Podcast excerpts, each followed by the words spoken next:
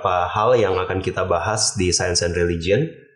Oke, jadi di part ke-1 yang minggu ini kita akan uh, discuss overview beberapa view uh, mengenai uh, religion dan uh, religion dan science ya, terutama apakah itu bertentangan ataukah itu sesuatu yang um, saling mendukung atau dua-duanya ciptaan Tuhan sehingga uh, saling melengkapi satu sama lain. Ada many many different views yang akan kita lihat mengenai uh, science and religion and we will see uh, some interesting I think in the past. Nggak terlalu banyak uh, ini nggak dibahas di gue bisa bilang ini nggak dibahas di sekolah ini nggak dibahas di gereja.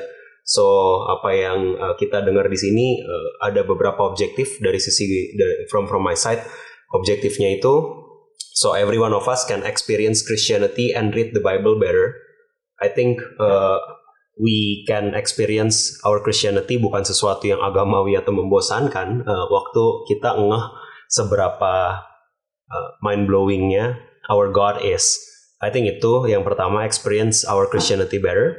Kedua read our Bible better karena waktu ada ada beberapa ayat nanti towards the end of this session today yang kalau kita baca ulang itu ayat yang sering jadi lagu, ayat yang sering kita dengar, ayat yang mungkin jadi ayat hafalan, tapi kalau dibaca ulang dengan konteks yang baru, it's actually quite mind blowing, I think. So uh, we can read the Bible better. Uh, ke, kemudian yang kedua objektifnya uh, for every one of us yang dengerin ini kita bisa intellectually equipped. You know, I don't think uh, at least di gua ya kita gua tahu Pithecanthropus erectus gitu. I, I know Homo floresiensis gue tahu karena gue baca artikel some some years ago. Tapi apakah uh, academically kita belajar mengenai uh, teori evolusi atau teori Big Bang? I don't think so ya, karena at least for me di sepanjang BPK penambur perjalanan gue, gue di back then gue tidak mendengar satupun uh, how our universe began dan ini dan yang gue dengar cuma dari gereja, oh diciptakan dalam enam hari dan hari ketujuh Tuhan beristirahat. That's it. Oh dalam enam hari diciptakan semuanya. Dan waktu lu baca Big Bang atau dengar Big Bang, uh, it, it it is sepertinya conflicting kan. Kalau Big Bang uh, dengan teori Big Bang dengan pendekatan Big Bang didapati bahwa universe ini umurnya 13,8 miliar tahun. Tapi kalau misalkan dirunut balik dari dari Merrick sampai Adam itu kok cuma sekitar 10 ribuan tahun or less gitu. Jadi yang benar universe ini diciptakan 10 ribu tahun yang lalu atau uh, atau semua evidence yang menunjukkan bahwa saat ini menunjukkan bahwa universe ini created 13.8 billion years ago. I think we need as a Christian we need to be intellectually equipped. Otherwise someday mungkin udah bukan teman lu lagi ya. Mungkin teman kantor lu ada yang uh, you know agnostic dan very very uh, keen untuk untuk learn. You need to be able to answer. Kita nggak mungkin bisa jawab cuma dengan oh ya yang gue dengar di sekolah minggu enam hari diciptainnya itu pas Adam. That's it. You know you cannot that is I think don't leave your brain at the door as a Christian. Uh, we need to be intellectually equipped. So we need to understand nuance kita perlu understand debates yang ada sekarang tuh kayak apa uh, pandangan Christianity about about evolusi apakah 100% menolak atau sebenarnya ada pandangan lain. These are nuances yang I think sebagai orang Kristen di Indonesia kita sangat terbatas. Either lu kerja kerja kerja kerja dan don't care about this atau ketika lu lihat ini lu takut lu akan menjadi ateis karena oh kok nggak sesuai sama yang lu baca di Alkitab. Karena no one explains that no church explains that. I think this is where we need to be intellectually equipped. Hopefully satu jam ini nggak gue nggak datang dengan semua jawaban ya. I'm not huge Ross, my new heroes namanya huge Ross. Uh, kita akan learn more about him later. Masih hidup orangnya, lu bisa googling. Uh, I hope this session actually a, a, a pointer buat uh, kalian yang mau belajar lebih jauh. You know where to look, gitu sih. So that's the objective. We go uh, ke view. Ada beberapa view science and Christianity, conflicting, independent, dialog atau integrasi. Kalau konflik ini yang paling sering kita dengar di mana-mana, it's conflicting gitu. Bahwa um, oh ya udah kalau kalau lu punya iman dan percaya agama, yaitu itu incompatible with with science. How come lu masih ke gereja kalau lu uh, mengaku lu seorang scientist atau lu data driven person gitu? How come? Itu conflicting pandangan. It's one view of of looking at it ya. Jadi uh, kalau kalau nonton siapa namanya uh, Stephen Hawking atau The Grass itu mereka kayak mereka bawa pandangan conflicting dari sisi ateis dan mereka sangat populer. Sehingga orang Kristen atau if you dig about it atau someone ask you, you will be mungkin agak bingung ya. So, kalau kita nggak equip, kita akan agak bingung. Iya juga ya.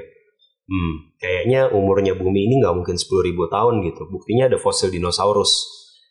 It, can be 10.000 tahun gitu. Nah, these are conflicting yang kalau kita tidak paham, I think view ini adalah view yang paling populer, and I hope uh, our views di NLC bergerak dari conflicting. What's the best? Uh, I don't know yet. Ini bisa evolve over time sama kayak Bible study yang pandangan-pandangan lainnya. Tapi I, I'm sure it's not conflicting. We'll see some evidence abis ini ya. Terus kedua independent. So ngebandingin science and religion itu kayak ngebandingin apple sama uh, just it, can can it be compared? Gak bisa kan? Yang satu apple buat dimakan bernutrisi, yang satu just buat dipakai fashionable. It's totally different function uh, tidak berhubungan. Uh, yang satu ngejawab how and what. Uh, jadi sains ngejawab mengenai banyak mengenai how. Kenapa ini kok terang? Kenapa ini kok kencang? Kenapa ini kok suaranya keras? Science can answer that how. Tapi Christianity answering why. Dan dua ini tidak bisa disatukan. Makanya it should be independent from each other.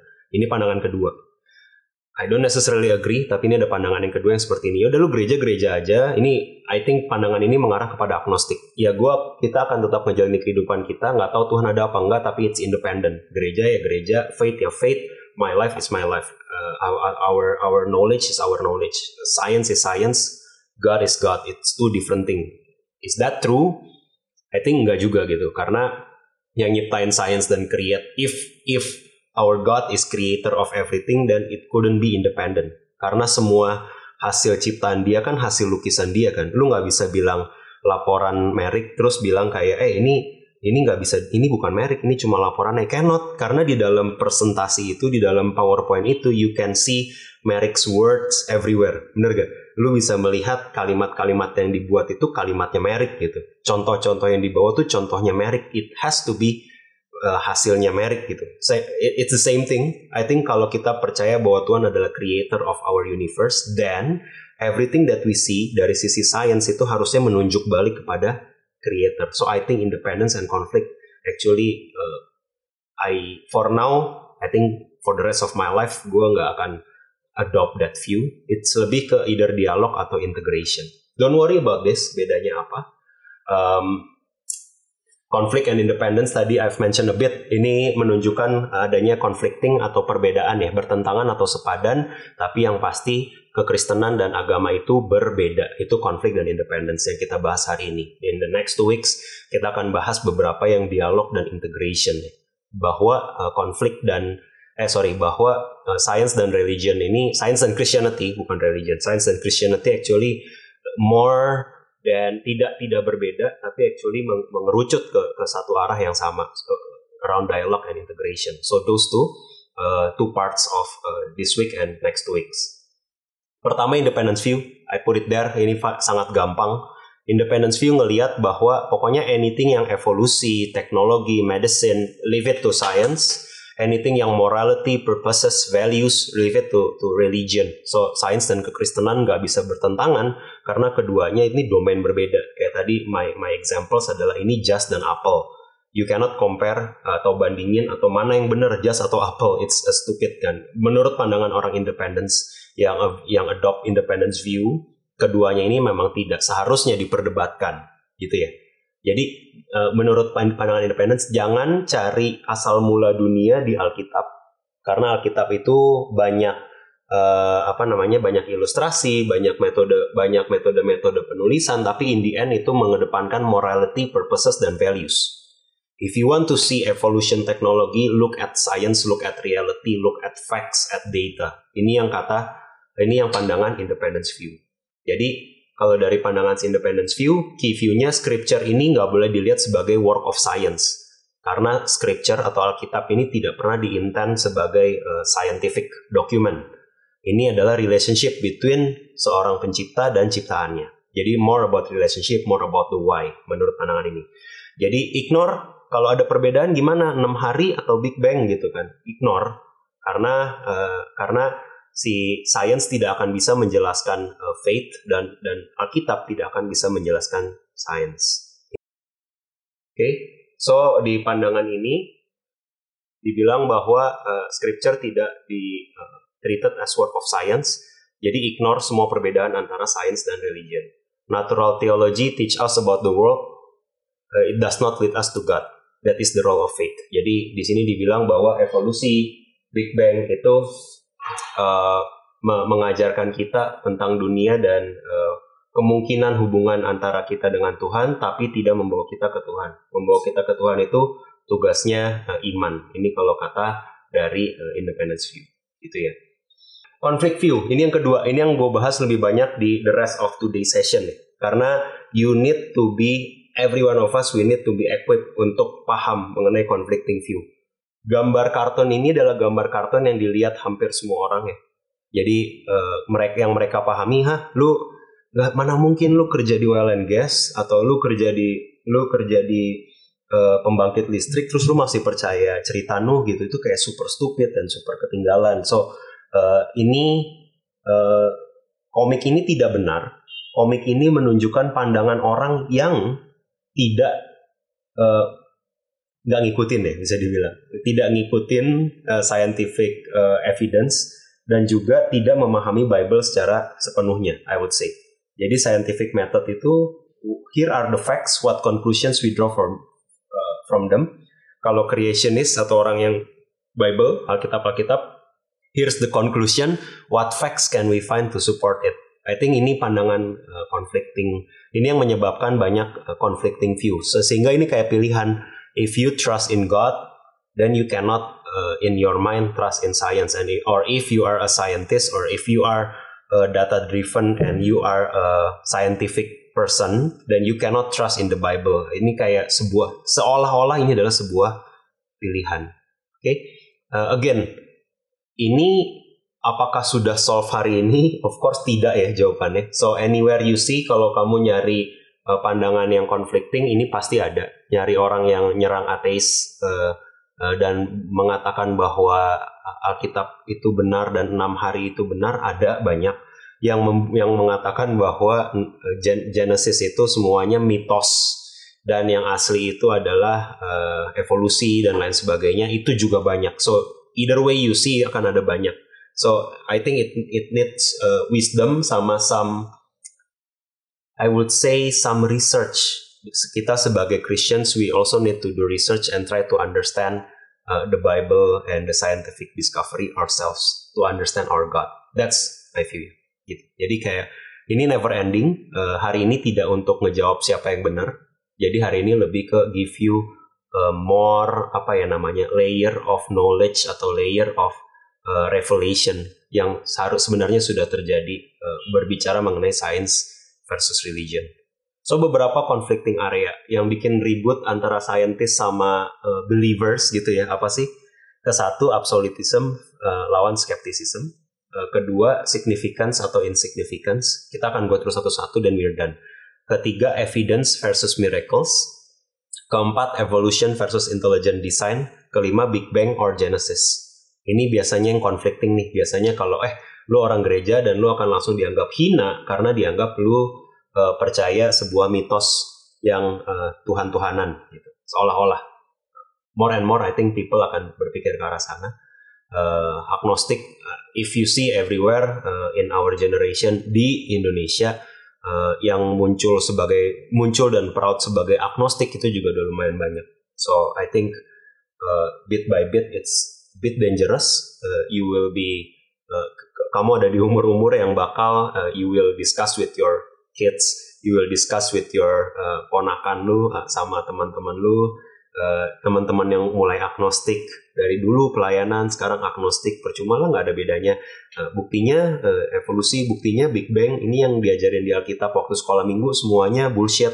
You will found that conversation and I think uh, NLC we need to be to uh, to understand ya. Bukan dicuci otak tapi to understand the whole range of uh, this discussion gitu. So yang pertama absolutism versus skepticism. Satu hal yang nggak disuka uh, atau yang diserang oleh saintis adalah uh, oleh oleh scientific community. Nggak 100% I think sekitar 40% dari orang yang gelar pegang gelar ijazah scientist atau scientific domain di US itu masih percaya Tuhan. So I think it's about 50-50 malah di US ini ya. Gak bilang di sini, di sini mungkin lebih besar lagi angkanya gitu. Dan uh, kenapa this uh, scientific atau orang yang udah bergelar sarjana atau orang yang sudah masuk scientific community uh, hate Christianity atau hate religion atau Christianity specifically karena uh, kekristenan datang dengan absolutism yang berkata bahwa I am the way, the truth, and the life. Aku jalan dan kebenaran dan hidup. Barang siapa mau sampai kepada Bapa harus melalui aku. Ya kan? It's absolute. This is the absolute truth. Jesus is the absolute savior. Our God is the absolute God. There are no other gods. Gak ada Tuhan lain. Uh, gak ada juru selamat lain. Gak ada Mesias lain. Gak ada gak ada pewahyuan khusus lain. Yesus adalah sebuah pewahyuan sempurna dari Allah pencipta Nah, kata sempurna, kata pencipta, kata absolut, kan kata satu-satunya jalan ini of course dibenci di browser's age, right? Siapa lu bilang bahwa jalan ke surga cuma ada satu gitu kan? Ya Tuhan gitu. bukan Kristen yang bukan orang Kristen yang ngomong, yang ngomong Tuhan. But in a way ini uh, to understand absolutism versus skepticism ini yang muncul. Ini yang ini yang jadi isu ketika orang Kristen menurut ini uh, setelah I do I do some research ya yang jadi isu adalah ketika orang Kristen very very narrow minded dan berpikir bahwa uh, dan berpikir bahwa Alkitab itu inherent ya Alkitab itu pasti benar 100% benar itu totally. Uh, I do not say that it's not. I'm saying that uh, ada banyak dari translation dari translation aslinya Hebrew ke translationnya Jerman atau atau Latin di masa reformasi, lebih jauh ke New King James Version, lebih jauh ke ESV, ke terjemahan baru itu terjemahannya banyak. So kata eh, pada hari pertama jadi petang dan jadi pagi itu nuansnya sangat kaya di bahasa aslinya. When we take that dan lari dengan hari pertama ya udah satu hari 24 jam pertama Tuhan menciptakan ini 24 jam kedua Tuhan menciptakan ini. Nah ini ya dan kita narrow minded dan bilang nah this is the truth.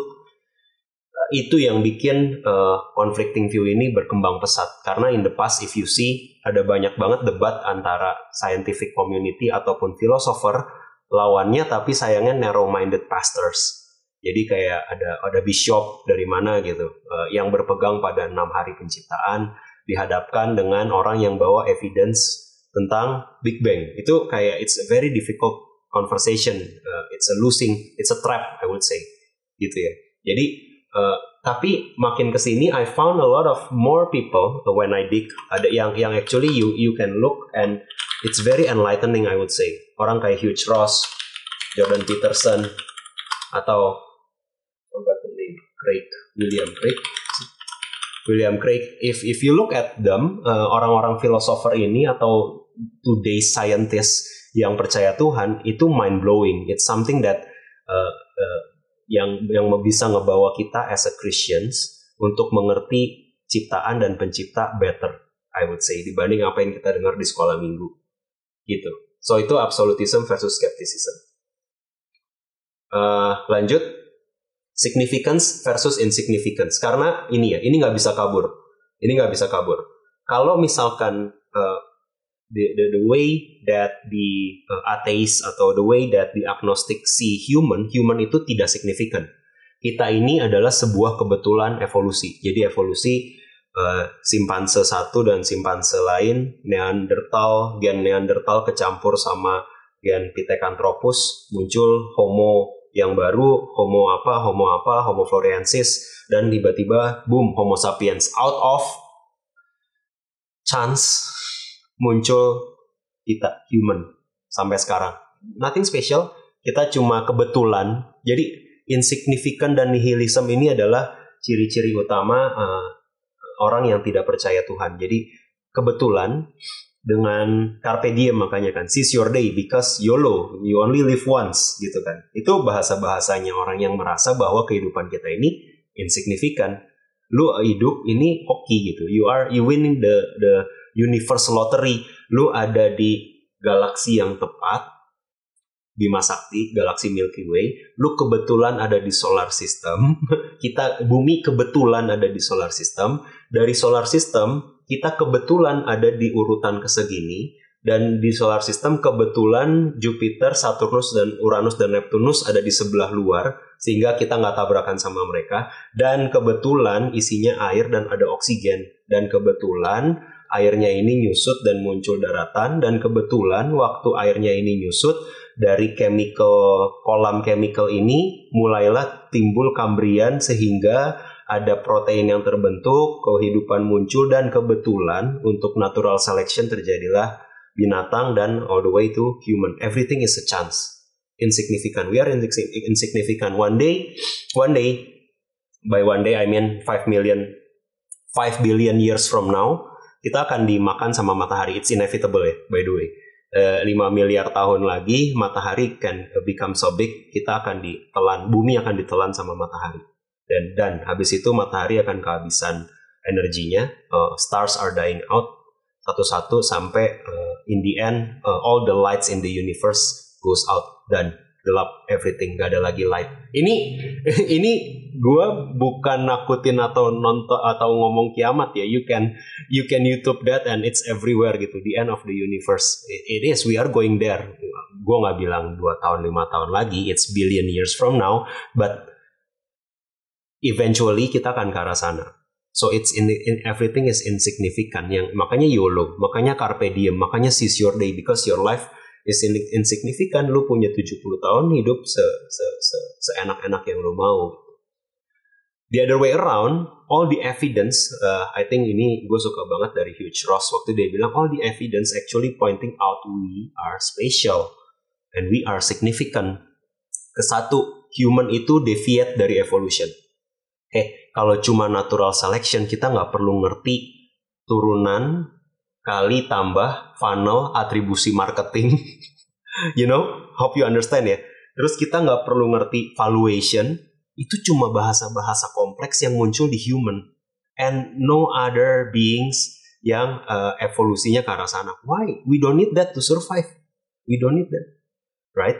To survive kita perlunya reproduksi betul terus makan, berburu, reproduksi, that's what we need to survive. Right?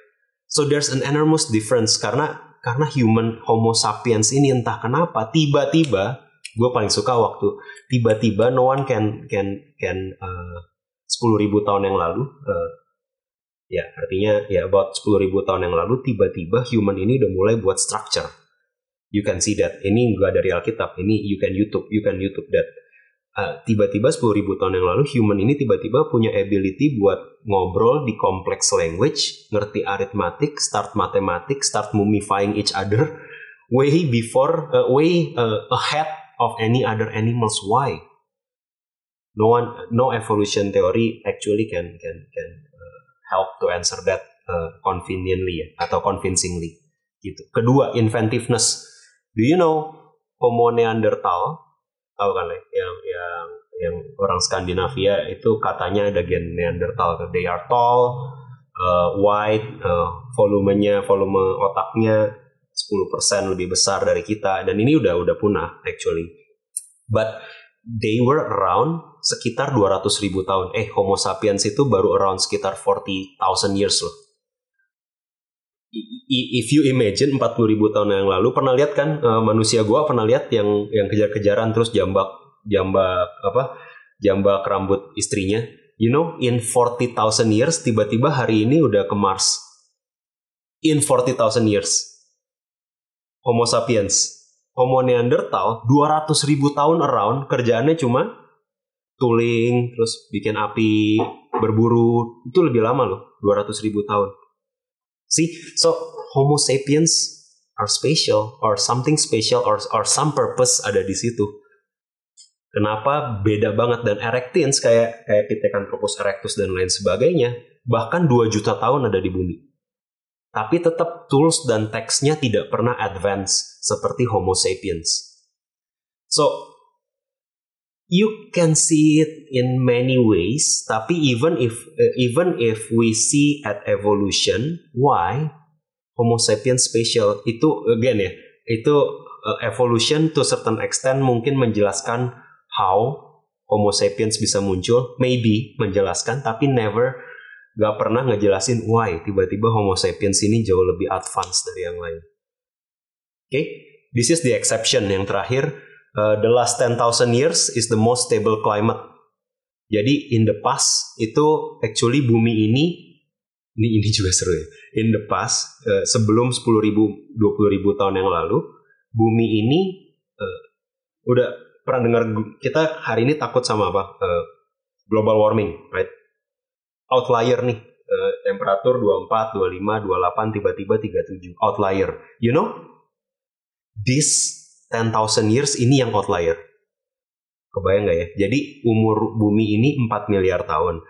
Di sebelum 10.000 tahun terakhir, itu climate memang tidak pernah stable.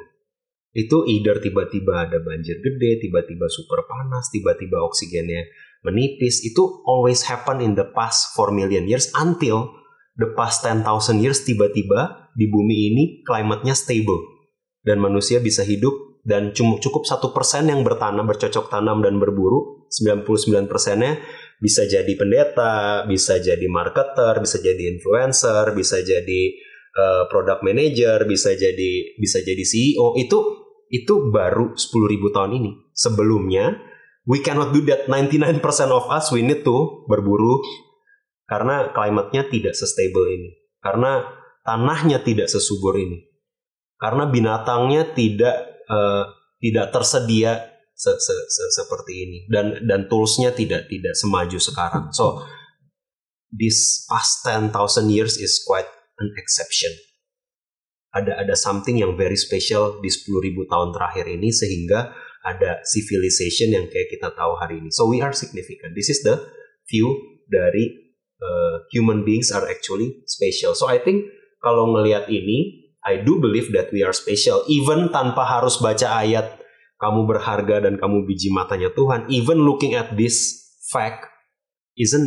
I mean, it takes a lot of faith untuk bilang bahwa human beings tidak special gak sih? I would say. Oke. Okay? Lanjut, evidence versus miracle. Oh, kalau Alkitab lu tuh cuma miracle-miracle dan gak ada evidence-nya. Hmm, interesting until I saw this table. Oke, okay? oh, kalau science ini selalu bertentangan dengan Alkitab. Interesting. Karena biblical statement Yesaya 40 ayat 22 udah bilang bahwa bumi itu bulat. Back then uh, bumi itu flat disk. Science memahami bahwa bumi itu flat atau bumi itu uh, bumi datar baru baru-baru ini atau in the past 50 years uh, atau 100 years or so baru uh, science itu memahami bahwa Earth ini memang bentuknya sphere. Ini baru. Padahal di Alkitab dari awal di Yesaya sudah ada Earth itu bentuknya sphere. Kedua, number of stars itu banyaknya bintang di langit itu lebih dari miliaran. Wait, science back then memahami total jumlah bintang itu cuma 1100. Baru belakangan, banyak belakangan I mean last 100 years or so ya baru science bilang bahwa stars itu exit a billion. All stars itu different, sorry. Yang kedua, all stars itu different. Uh, kalau kamu baca 1 Korintus 15 ayat 41, semua bintang itu berbeda. Science back then berpikir semua bintang itu ya persis sama. Baru belakangan mengerti bahwa tidak ada satu bintang di di semesta ini yang persis sama. All stars are are different. Ini di 1 Korintus 15 ayat 41 udah pernah ditulis. Setiap terangnya itu berbeda. Actually, it, it it's written that way crazy scary. Light is emotion. Jadi uh, terang itu bergerak di Ayub 38 ayat 19 sampai 20. Di manakah jalan ke tempat kediaman terang dan di manakah tempat tinggal kegelapan sehingga engkau dapat mengantarnya ke daerahnya dan mengetahui jalan-jalan ke rumahnya. Dia tahu bahwa terang itu tidak diam tapi selalu bergerak. Ke manakah jalan ke tempat kediaman terang? Because light itu selalu bergerak and uh, science didn't know that until recently particle versus wave uh, light uh, discussion uh, 50 40 to 40 to 50 uh, I think around 90 40 ish it's supposed to be ya. Itu light is in motion itu baru belakangan. Udara itu ada beratnya ini di Ayub 28 ayat 25 nah ini juga uh, yang diketahui itu uh, uh, udara itu nggak punya berat itu yang dipahami. Padahal udara itu ada beratnya. We know udara itu tetap ada density-nya. Right? uh, blood darah adalah source of life and healing di Imamat 17 ayat 11. Uh, kalau science back then, oh darah ini tanda orang sakit. Baru sekarang kita paham bahwa darah actually source of life and healing. many dari uh, serum vaksin, cuci darah dan lain sebagainya, blood is actually uh, can be source of life and healing as well. Konservasi of mass and energy di pengkhotbah 3 ayat 14 sampai 15, pengkhotbah 1 ayat 9. Air itu siklus, jadi bukan dari atas turun ke bawah doang gitu ya. Jadi itu siklus itu ada di pengkhotbah 1 ayat 7, ada di Yesaya 55 ayat 10. Gravitasi di Ayub 26 ayat 7, Ayub 38 ayat 31 sampai 33. So so uh, ini again ini adalah hasil ini artikel yang yang uh, gua ambil dari Huge Ross punya uh, website ya. So Huge Ross ini dia besar sebagai astronomis dan dia itu besar sebagai ateis until dia uh, mengerti mengenai science dan dia mencoba membaca all holy book dan dia convert to Christians karena di di Bible everything is accurate. Ini ya yang yang yang di yang dicek di sini ada Yesaya, ada Yeremia, ada satu Korintus, ada ada Ayub, ada Imamat, ada ada pengkhotbah ini different authors, different times, nggak saling nggak saling ngobrol satu sama lain, tapi semuanya konsisten with apa yang ditemukan di science. So I think it's uh, yeah, I think it's very encouraging and very encouragingly accurate.